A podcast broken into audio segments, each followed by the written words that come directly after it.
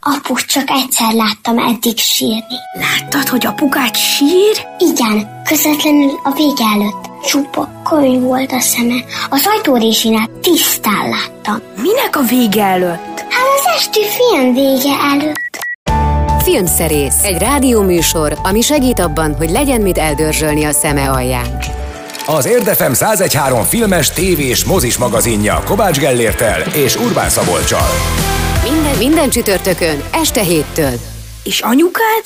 Képzeld, oda bújt hozzá. Köszöntjük a kedves hallgatókat, leginkább az Érdefem 1013 és a Rádió és hallgatókat, és aki esetleg ránk csatlakozik valamelyik másik platformon. Őket is otthon Kovács Gellért a vonal végén, én pedig Urbán Szabolcs vagyok itt a stúdióban. Hello Gellért! Szevasz Szabi, üdvözlöm nagy szeretettel a kedves hallgatókat is. Igazából David Attenborough őrület van nálunk most, angol nyelven ráadásul, tanuljunk is valamit azon kívül, hogy érdekességeket láthatunk a világ különböző tájéről. Számomra már követhetetlen, hogy David Attenborough-nak melyik sorozata mikor készült, és gyakorlatilag körülbelül hova kell elhelyeznünk ezt időben. Úgyhogy most legutóbb azt hiszem a az óceánokról láttunk valamit, de hát lenyűgöző. És mindig az, azt tesszük fel azt a kérdést, és hát ha Gellért tudsz erre válaszolni, hogy a francba csinálják ezeket a felvételeket. Én nekem az az elképzelésem erről, hogy van egy jegesmedve mondjuk a, az északi sarkon, és akkor az ott bandukol, és nagyon drága nagyon messze látó objektívekkel, nagyon messziről felveszik őket, oké, okay, ez így rendben van, de hát mennyit kell várni, hogy egy olyan jegesmedve oda, oda penderedjen elénképpen, és mondjuk ne találjon meg bennünket, és ne próbáljon meg elfogyasztani fényképezés közben. Te ennek így utána néztél, bár nem szoktunk mondjuk ilyen természetfilmekről beszélgetni, de mondjuk annak utána néztél, hogy ezek hogy készülnek ezek a, ezek a felvételek. Nekem mindig az van a fejemben, hogy irgalmatlan mennyiségű időt kell tölteni egy három másodperces nyit felvételéhez.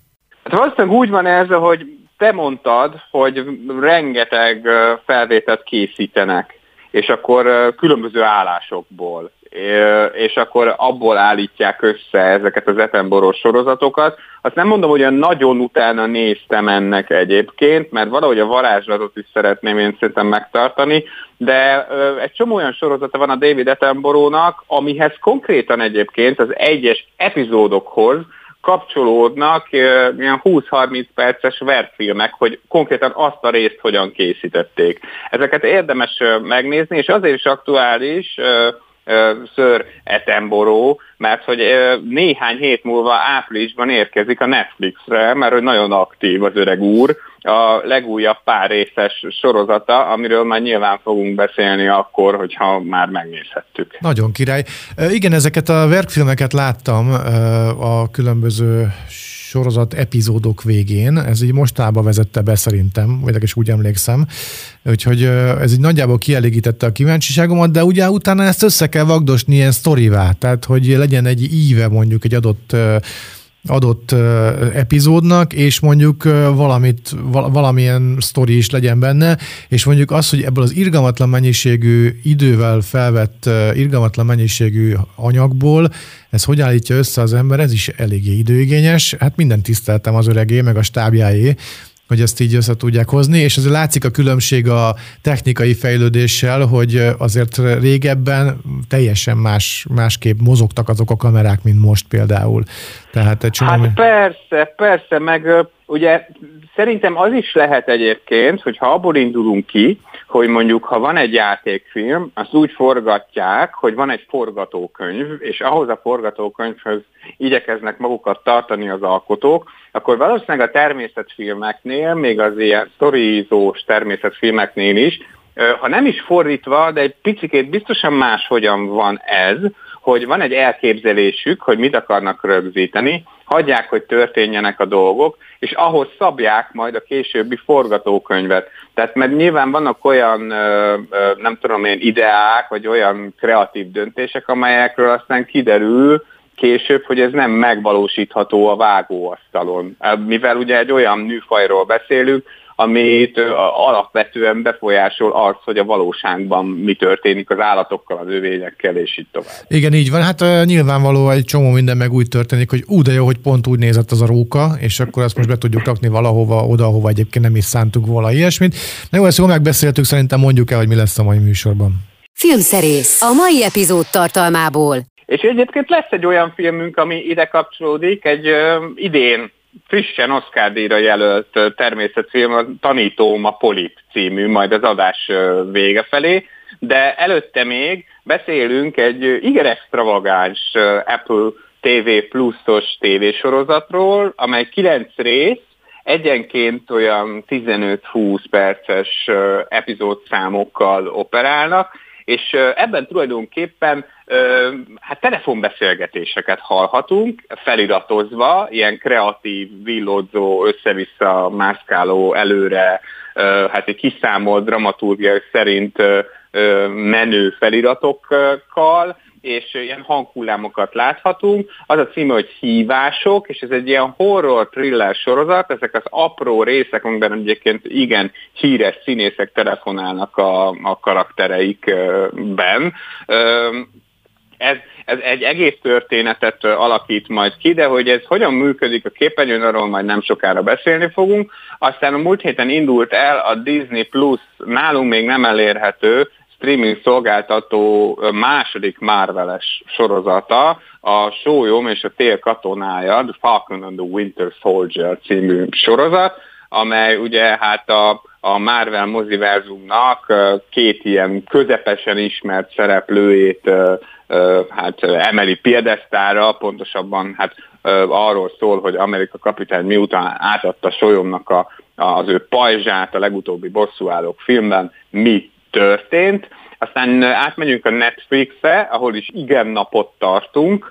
Ez az igen nap, ez egy családi végjáték, melyben a szülők kénytelenek 24 órán keresztül mindenre igent mondani, amit a gyermekek kívánnak tőlük, és aztán jön a tanítóm, a Polip című Oscar díjra jelölt természetfilm, majd a legvégén William Shatner köszöntjük föl, aki a héten volt 90 esztendős, és zeneileg is hozzá kapcsolódunk, mert a kiváló TJ Hooker és Kirk kapitány eddigi ö, pályafutása során ö, hát megszámlálható, de iszonyatosan sok lemezt adott ki.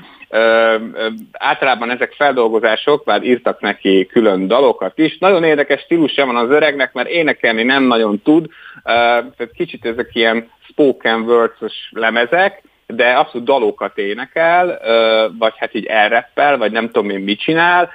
Az ember azt gondolná, hogy ez így elmondás alapján még nevetséges is lehet, de nem az, mert nagyon cool, és erre rögtön bizonyítékot is fogunk szolgáltatni, mert az egész adásban a legutóbbi nagy lemezének a dalait fogjuk hallgatni, melynek címe The Blues, és mindenkinek ajánlom nagy szeretettel ennek az albumnak a borító fényképét, amelyen egy ilyen Photoshop katasztrófa látható, ahogy William Shatner így hát ilyen karszként a hátán tartja, vagy a hátánál tartja a gitárt, és egy ilyen mesebeli erdő elején áll. Na de hallgassuk meg az első dalt, a lemezen is aztán ez az első egyébként, az a címe, hogy Sweet Home Chicago. Filmszerész, tévésorozat. Kezdjünk egy olyan filmmel, ami biztos sorozat lesz, vagy meg megnézem. Ah, sorozat, sorozat. egy sorozattal, aminek összecseng egyébként, nem tudom, angolul is ugyanez a címe, hogy hívások. Volt egy Susan Sarandon szereplésé, főszereplésével látható film, aminek az a címe, hogy Calling, tehát hívás egyes számban, és nekem az nagy kedvencem egyébként az a film érdekes, nem tudom, emlékszel rá? Igen, igen, hát volt pár hasonló film, ami ehhez hasonló koncepcióra épült, de ez a széria, amely 9 részből áll egyébként, és hogy egyenként 15 kötőjel 20 perces epizódokkal operál, igencsak extravagáns vállalást vállal magára, hogy megint elveszek a szóismétlések erdejében. De még mielőtt megdicsérnénk Fede Álvarez, aki egyébként egy marha jó horrorrendező, egy urugvái származású horrorrendező, a, a Vaksötét és a Gonosz Halott remékért felelős például, nagyon tehetséges fickó. Szóval mielőtt nagyon megdicsérnénk, azért az gyorsan el kell mondani, hogy a hívások az egy licensz sorozat, tehát nem ők találták ki, hanem a franciák. A franciáknál már azt hiszem a harmadik évad is megy, de ennek, a, hát ennek az amerikai változatnak a, a, tulajdonképpen csak az első részét vették át egy az egybe, amennyire lehet tudni, magát a sztorit azt teljesen átírták, de nem is ez a lényeg, hanem a forma. Az, hogy itt valóban arról van szó, hogy minden egyes részben, anélkül, hogy egyetlen embert is láthatnánk, csak telefonhívásokat, meg hát sokszor csalnak ezzel, már abból a szempontból, nem csak telefonhívások vannak benne, hanem például uh, irányítótorony és repülőgép között is, de az a lényeg, hogy, hogy hangkommunikációs hangokat hallhatunk, hanghullámokat láthatunk, ilyen mindenféle menő képernyővédős hanghullámokat, amelyek olykor ilyen dramaturgiai életre is kelnek, és a, a feliratokkal is játszanak, mármint hogy amit beszélnek egymással a, a, az emberek, azok így megjelennek feliratban is, és azzal is játszanak kreatívan, és így mesélnek el nekünk gyakorlatilag ilyen novellákat, ilyen horror-thriller novellákat, amelyek egyébként összefüggőek, mert most körülbelül a hatodik, hetedik részre összeáll a dolog. Az a lényeg, hogy rettenetesen furcsa dolgok kezdenek el történni a Földön, a legkülönbözőbb városokban, leginkább itt amerikai városokban ö, vagyunk, ö, rémisztő, ö, sokszor igen horrorisztikus ö, dolgok, és ezekben az epizódokban ezeket a kis ilyen alkonyzóna-szerű ö, ügyeket ismerhetjük meg. Ezek nagyon frappáns sztorik, marha jól vannak megírva a dialógusok, és az elején még azt gondolnád, hogy itt igazából, amit vizuálisan hozzáraknak, az csak alibi. Mert hogy ez egy rádiójáték. De ahogy mész előre, és ahogy bontakozik ki a történet, úgy lesz egyértelműbb, hogy itt valóban van, és nem csak azért, hogy legyen mit nézned, értelme ezeknek a vonalaknak, vagy a hozzáadott vizuális értéknek, de ezt persze nem árulom el, hogy hogy, hogy ez miért van. A lényeg az, hogy ha valaki valami olyasmit szeretne nézni, ami tényleg tök nem megszokott, meg nem olyan, ami minden héten jön streamingen, akkor annak kiemelten ajánlanám.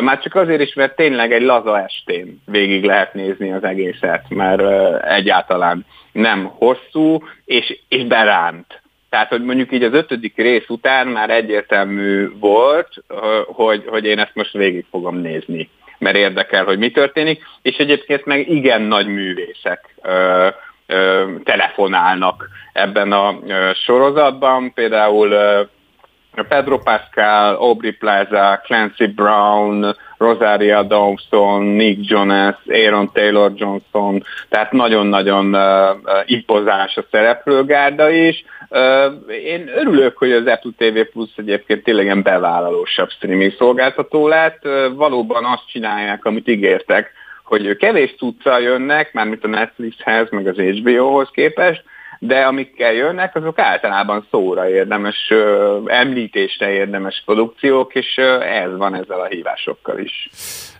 Ezt jó hallani, szeretem az ilyen filmeket. Most hirtelen, hát hasonló tudok csak mondani, ami szintén telefonhívások tömkelegét tartalmazta amikor a rendőr, tudod, a, a ügyfélszolgálatos, hogy hogy hívják a ezt? Fülke. A, Igen, nem a fülke, látni, nem, a, nem, nem, a fülke, nem a fülke, ez valami Dán, Svéd, vagy Norvég, vagy nem ja, tudom. Ja, a bűnös. A bűnös, igen. Igen. igen szóval az ember azt gondolná, hogy egy ilyen, egy ilyen kamaradarab, ráadásul, amit most elmondtál, még az se, tehát hogy a kamaradarabból nem tud olyan jól szórakozni, de amikor dramaturgiailag professzionálisan és hatáskeltően van összerakva valami, akkor azért ez tud, tud adni ezt azt. Abszolút, és annak is egyébként azon túl, hogy ott nagyon fontos volt a színész arca, de, de azon túl ott is ö, ö, fontos volt az, ami, ami itt is rettenetesen lényeges, hogy úgy legyen megírva az a párbeszéd, hogy az embernek a fantáziáját meg tudja piszkálni, és az ember képzelete aztán el tudja intézni a többit.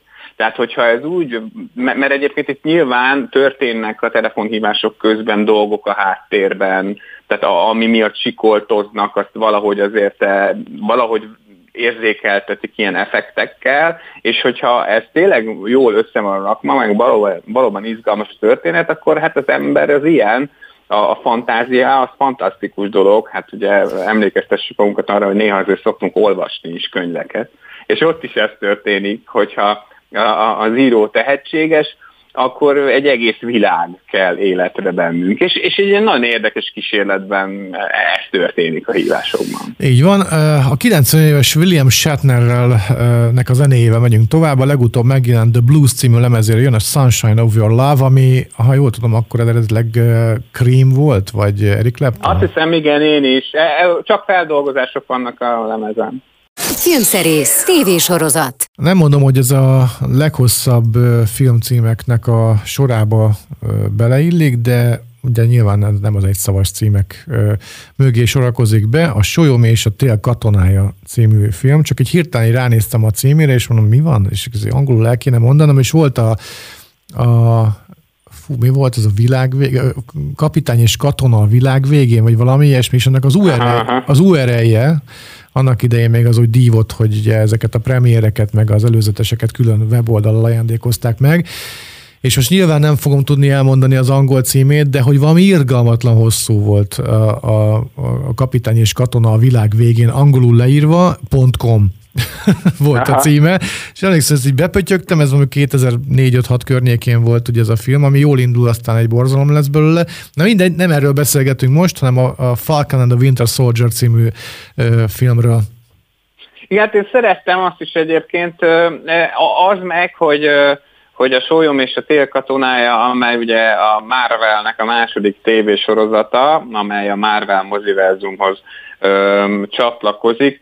Szóval, hogy az, hogy ezt nem tudtad forrakni, az, az megint ugye azért van, mint ahogy erről már sokszor beszéltünk, hogy te ezekben a képregényfilm ügyekben annyira nem vagy otthon, vagy nem másztál annyira ö, bele. Ö, ők, tehát a két címszereplő, a korábbi filmekben, hát ilyen lassan bevezetett, az egyik őjük mondjuk a télkatonája picit hamarabb, meg hangsúlyosabban bevezetett figura volt, Amerika kapitánynak a barátja, és hát akkor, hogy ilyen frappánsan hát nem tudom, egy kicsit megalapoznom azt, hogy mégis honnan indulunk. Ugye a bosszúállók végjáték végén az Amerika kapitány odaadja sólyomnak az ő pajzsát. Tehát ezáltal tulajdonképpen hát meg is nevezte az örökösét, de ez a helyzet korán sem ennyire egyszerű, mert hogy Sólyomnak megvannak a maga ilyen high-tech szárnyai, meg megvan a maga dolga, meg, meg ahogy ezt akkor is mondtam, meg a sorozat pilotjában is elhangzik, olyan érzés volt neki tartani ezt a pajzsot, mint hogyha valaki másnak a, a tulajdona lenne nála, tehát ő nem akar lenni a második Amerika kapitány, és hát sejthetően erről szól majd igazából ez a sorozat, amely ezen a héten még azt a plusz aktualitást is megkapta, hogy néhány napja jelentették be, hogy a Marvel nem vár tovább a Fekete Özvegy című soron következő mozifilmjük bemutatójával, így nyáron bármi lesz is, bemutatják, mégpedig úgy, hogy a Disney Plus-ra is felkerül a film, külön kell majd érte fizetni, tehát hogyha lesz esetleg már addigra nálunk Disney Plus, ami most még nincs, akkor sem lesz elég rá az előfizetésünk, hanem hát az amerikaiak olyan átszámolva olyan 9000 forintnak megfelelő összeget kell, hogy fizessenek ezekért a premierekért, de elvileg moziba is lesz a Fekete Özvegy, és hát úgyhogy most aztán tényleg kapunk mindenféle márveleket, de en, engem nagyon kellemesen meglepett a Sólyom és a télkatonája. Engem nem különösebben érdekelt ez a két karakter, hogy mi történt velük, de azt gondolom, hogyha ezt a szűk 50 percet levetítenénk a legnagyobb motivásnon, ami csak létezik, akkor egyáltalán nem bennénk készedve, de tényleg, hogy egy tévésorozat egyik epizódját láttuk, vagy látjuk, mert pontosan ugyanolyan minőséggel készült el.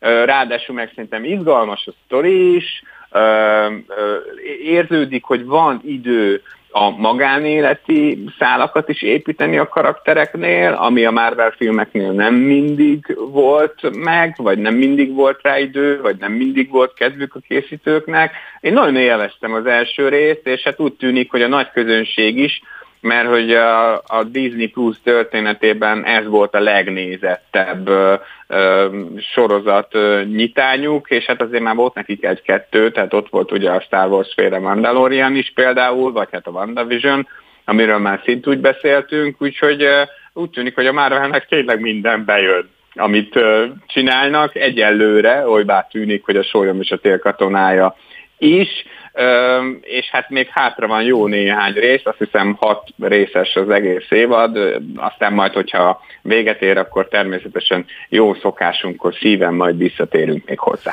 A 90 éves William Shatner legfrissebb lemezéről, a The Bluesról játszunk dalokat a mai műsorban. A következő dalt eredetiét tulajdonítsuk Nina Simonnak mondjuk, az I Put a Spell on You címet viseli.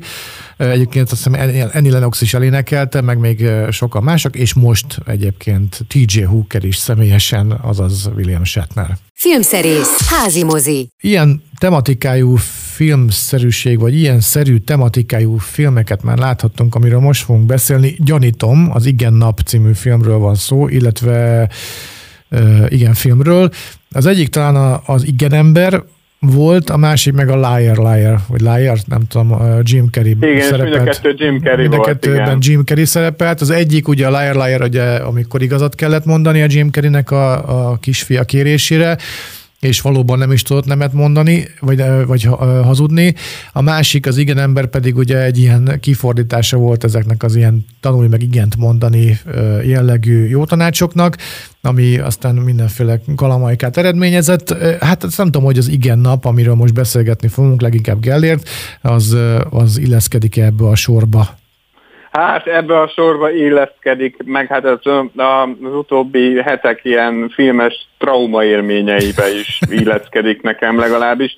Ez annyira igaz, hogy az agyam egyszerűen elfelejtette, vagy úgy védekezett ez ellen a borzalmas film ellen, hogy egyszerűen elfelejtettem, hogy én ezt láttam. A március 12-én mutatta be egyébként a nagy pénteki premier napján a Netflix, hogy ők általában pénteken mutatják be a, a, hát azokat a produkciókat, amelyekben a, a legjobban bíznak, és akkor, hogy egy kicsit ilyen magánéleti dolgot is vigyek bele, bár ez tőlem azért nem annyira szokatlan, hogy ugye elég sokszor jön hozzám a, a kislányom, aki most azt a nyáron 8 éves, és és hát mindig ezeket a számomra teljesen elviselhetetlen Disney, meg Nickelodeon szitkomokat néz, és rettenetesen megörülök neki, amikor van valami új film, ami, amit ő is nézhet, meg valószínűleg nekem is kell vele foglalkozni, és akkor meg tudjuk együtt nézni, és akkor végre nem a Réven otthonát, meg a veszélyes Harryt, meg ezeket a,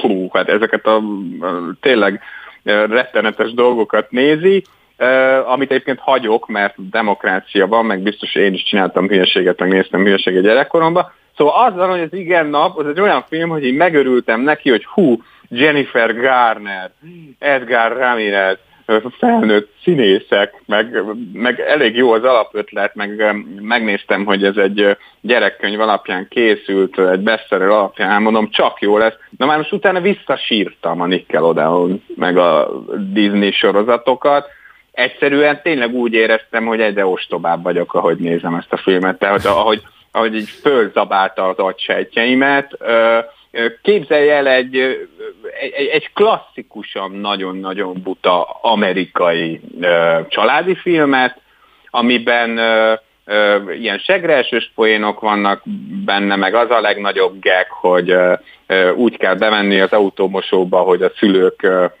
nem tekerhetik föl az ablakot, és akkor és akkor a Ramirez is, meg a Gardner is ilyen uh, idióta módon vinnyog az egész filmben, uh, de, de ami a legdurvább szerintem, hogy a gyerekek tényleg konkrét hülyeségeket kérnek a felnőttektől. Tehát valahogy ez egész nem hiteles. Hogy, uh, uh, mert egyébként ez az igen nap, ez onnan indult, ha jól tudom, hogy, hogy, hogy ez, ez, ez valóban létezik, mármint hogy már nem tudom, hogy pontosan kitől indult és vált egyfajta mozgalommá, az, hogy szokták javasolni a szülőknek, hogy próbálkozzanak meg havonta egy ilyen nappal, mert ugye hát a gyereknevelés az a legtöbbször a nemről szól, ahogy egyébként ez a filmben is megjelenik, és hogy hát erre is húzzák fel a filmnek a dramaturgiáját, hogy a filmbeli házaspár hát így, így, így rettenetesen, rettenetesen belekövült, vagy belefeszült ebbe a szülői szerepbe, és régen igazán kalandvágyóak voltak, de aztán jött a három gyerek, és akkor nagyon megváltoztak, és talán ez, ez az igen nap az úgynevezett komfortzónájukból kimozdítja őket, és hát ez is történik benne, csak könyörgöm történhetett volna úgy, hogy, hogy közben meg ne legyen ennyire minősítetetlenül rossz az egész. Szóval nem tudom, egyszerűen így nézed, és így látod, hogy ebben a filmben tényleg mindenki arccal a kassa felé csinálta, amit csinált. Tehát szinte csukott szemmel dolgoztak benne, hogy mindegy, csak legyünk, legyünk túl rajta, és akkor azért is nehéz ilyenkor szerintem szülőnek lenni, vagy olyan szülőnek lenni, aki egyébként filmekkel foglalkozik, mert én úgy általában tényleg el, szóval, hogy felül tudok azon emelkedni, hogy nekem valami nagyon nem tetszik, a gyereknek meg igen. De hogy ez volt az a film, ami meg konkrétan vitatkoztam a kislányommal, hogy megnéztük, és akkor mondtam, hogy ú, ez nagyon rossz volt. És mondta, hogy dehogy volt rossz. És én, én, én általában ilyenkor nem szoktam érvelni, egyrészt azért, mert nem akarom őt kellemetlen helyzetbe hozni, meg nem akarom játszani itt az okoskodó szülőt, akkor mindig ráhagyom, de itt belementem a vitába és elkezdtem neki érvelni, hogy szerintem miért volt borzalmas. Persze nem tudtam meggyőzni, mert szerintem nagyon-nagyon vicces volt. Szóval hát, hogy erre készüljenek a kedves nézők, hogyha a gyerekükkel leülnek az Igen Nap című film elé. Igen, azt akartam mondani, hogy el kell kezdeni a gyereknek marvelni. Ezt a poént akartam elsütni mindenképpen. Ja, hát próbálkozunk azzal, de az van, hogy, hogy ő nagyon szereti a rejtélyeket, nagyon-nagyon szereti a szuperhősöket, de, de, de még ő nagyon fél. Aha. és az ilyen félelmetesebb, vagy rémületesebb, durvább részek, és ezekben a filmekben azért bőven van ilyen. Szóval, hogy még ezeket annyira ő nem, nem tudja nézni, de már nem kell olyan nagyon sok, és akkor, akkor már talán Bergbant is nézhetünk egyszer. A 90 éves William Shatner legút újabb lemezéről, a The Bluesról következik egy dal, amit eredetileg ugye a Crossroads Blues néven látott napvilágot, egyébként ismert Crossroads néven is, ezen a címen hallgatjuk meg. Eredeti előadója Robert Johnson volt még 1937-ben, most William Shatner előadásában halljuk, aztán pedig jövünk vissza. Filmszerész, házi mozi. Egy olyan filmmel folytatjuk, amit kivételesen én is láttam. Nem tudom, hogy került a szemem elé, a Tanítóm a Polip című film. Igen, Nati anyukája ajánlotta, mert ők megnézték és tetszett nekik, és valahogy beszereztük, vagy valahogy hozzáfértünk ehhez a filmhez. A Netflixen látható. Igen, ott, ott néztük meg, igen, jó, hogy mondod. Ez egy búvár és egy poli barátságáról szól.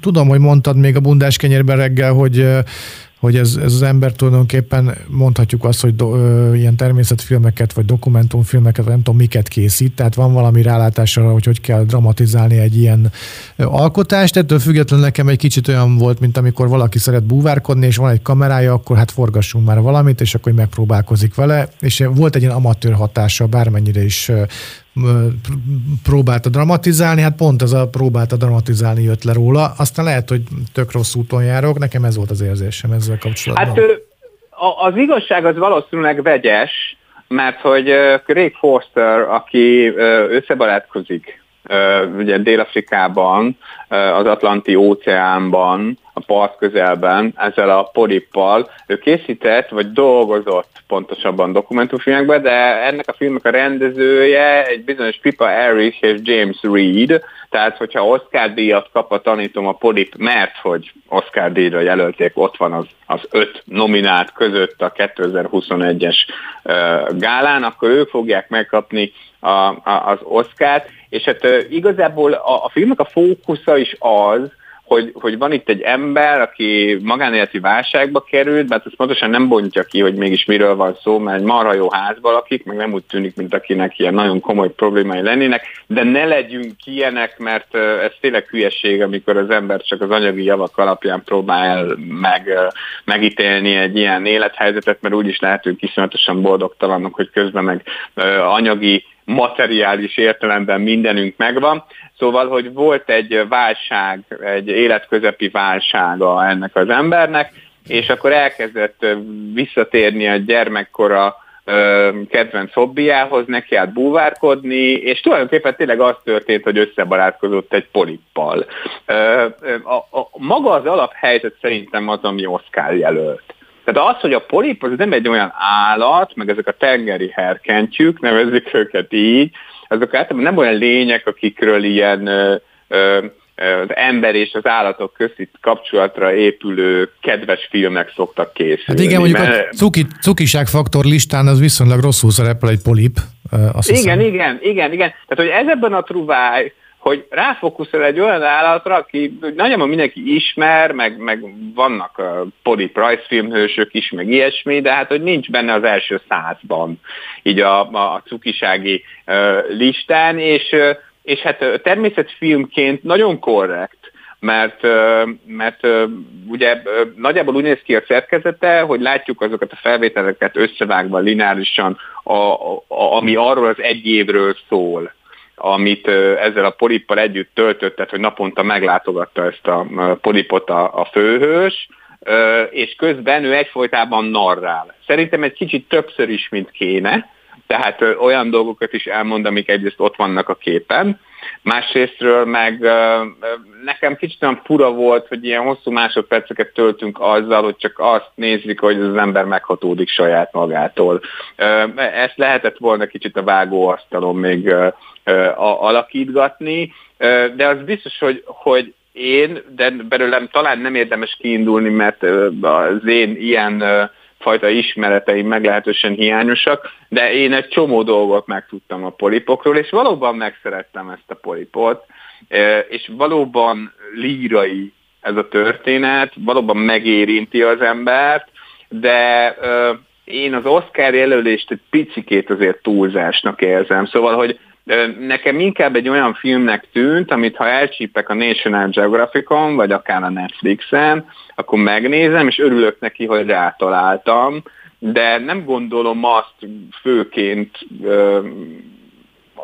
egy ilyen kínálatban, mint ami a dokumentumfilmekre jellemző, hogy ezt most feltétlenül Oscar díjra kéne jelölni én azt sejtem, hogy ha nem is tudatosan, de ösztönösen az akadémiánál lehetett egy ilyen, hogy ugye azért a dokumentumfilmeknél mindig van ilyen jó néhány, a legtöbb dokumentumfilm az társadalompolitikai színezetű, vagy a témáját tekintve ilyesmiről szól, és jó néhány éve van az, hogy reflektálnak ugye másféle ügyekre is tudatosan, és hogy mindig van egy ilyen ökológiai témájú film is, és most ebben az évben a tanítóm polip lett ez.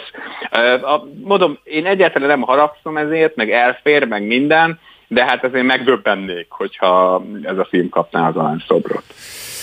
Hát meglátjuk. A 90 éves William Shatner legutóbbi lemezéről játszunk dalokat a mai műsorban. A The Blues címet viseli ez az album, és az As the Years Go Passing By című felvétel következik, amit 1959-ben rögzítettek először. Hát, hogy kicsoda, az szinte mindegy is. Rengetegen előadták ezt a dalt is. Most éppen William Shatnertől halljuk, aztán pedig fel is köszöntjük őt nem sokára itt a filmszerészben. Itt a filmszerész. Az Érdefem 1013 filmes, tévés, mozis magazinja. Kérjük, pontosan állítsa be a készülékén az élességet. A 90 éves William Shatnerről fogunk beszélgetni. Igen szép kort megélt TJ Hooker, körkapitány és csomó mindenki más megszemélyesítője.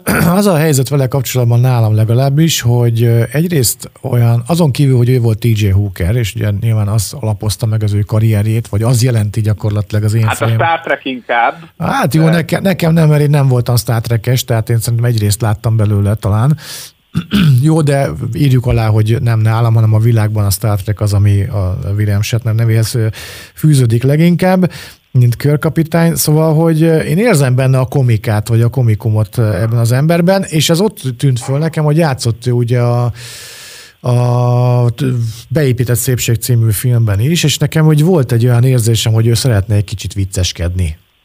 Hát ő, figyelj, ő vicceskedik már nagyon-nagyon régen egyébként, tehát volt neki egy Boston Legal című tévésorozata is, egy ügyvédes, ügyészes sorozata, ami igen sikeres volt, és, és hát ha, ha nem is a humor volt ott a főszereplő, de, de, de hát azért markánsan meg tudta ott is csillogtatni ezt a fajta képességét. Ő egy vicces hapi. Szóval szerepelt ilyen mindenféle sketchekben is, és hát azért egy nagyon komoly életműve is van, tehát közel 250 különböző produkció fűződik a nevéhez, amelyben persze vannak videójátékok, meg apró kameók, már tévésorozatban, meg rajzfilm szinkronok, meg mindenféle ilyesmi. Nagyon, nagyon bájos az öniróniája, ahogy kezeli a saját pályáját is, akár csak Körk kapitányt is, és, és ez szerintem azért is egyenlíti ki nagyon jól őt, vagy ezért is teszi őt nagyon szerethetővé, mert az ő, az ő legnagyobb hősei, ugye a Körk, meg a TJ Hooker, meg még néhány ilyen, azok ilyen meglehetősen kell módon jó emberek. Tehát ilyen, ilyen, nagyon egysikon pozitív figurák.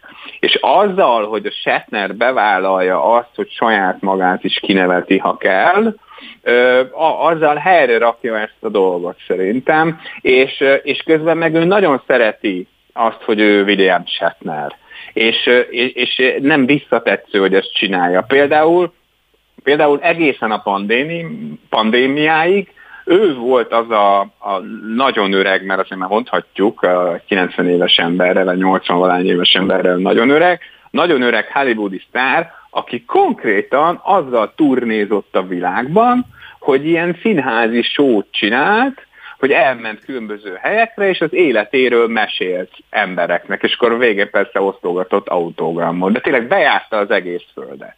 És a, aki látta ö, valamelyik ilyen Shatner show az, az arról beszél, hogy, hogy tényleg nagyon élvezetes, és tényleg nagyon-nagyon szerethető, tehát így a, így a karrierjével is nagyon-nagyon jól, jól játszott. Közben megtaláltam a, az előbb említett sorozatnak a magyar címét, amit aminek az eredeti címe Boston Legal, és hát James Spader lett volna, nem lett volna, hanem volt a másik főszereplője. Ez egy 101 részt megért sorozat volt, a magyar címe pedig Jogi Játszmák. E, e, mindenkinek ajánlom, mert ez is egy egészen jó széria. Hát köszönjük a figyelmet, már a véget ért a filmszerész. Keresenek bennünket régemi műsorainkat kutatva a Spotify-on és egy csomó más ilyen elérhetőségnél. Gen, leginkább ahol podcastokat tárolnak. Jövő héten, ha minden igaz, akkor találkozunk, Gellért pedig még elmondja, hogy melyik William Shatner által előadott dallal fogjuk befejezni a mai műsort. Hát egy klasszikusan, mint ahogy ugye az egész adásban általa feldolgozott klasszikusokat hallgattunk, a Route 66 című szám következik, amit azt hiszem, hogy talán Chuck Berry vitt sikerre? Hát nem tudom, de leginkább, leginkább, leginkább úgy, hát a világnak nem a leghosszabb útja, de mondjuk az Egyesült Államoknak a leghosszabb útját éneklik meg benne, Chicago-tól Los Angelesig tart, mint olyan 4000 kilométer, irgalmatlan hosszú. Hát is érdemes arra, hogy dalformájában is megemlékezzenek róla. Hát mondjuk azt, hogy Chuck Berry volt az első. Igen, szóval ezt a dalt hallgatjuk, ezzel búcsúzunk kedves hallgatóinktól is erre a hétre, hallgassanak minket mindenféle felületen, hogyha lesz hozzá kedvük, és nagyon-nagyon vigyázzanak magukra, és hogyha mindenki úgy akarja, akkor jövő héten újra találkozunk. Minden jót kívánok!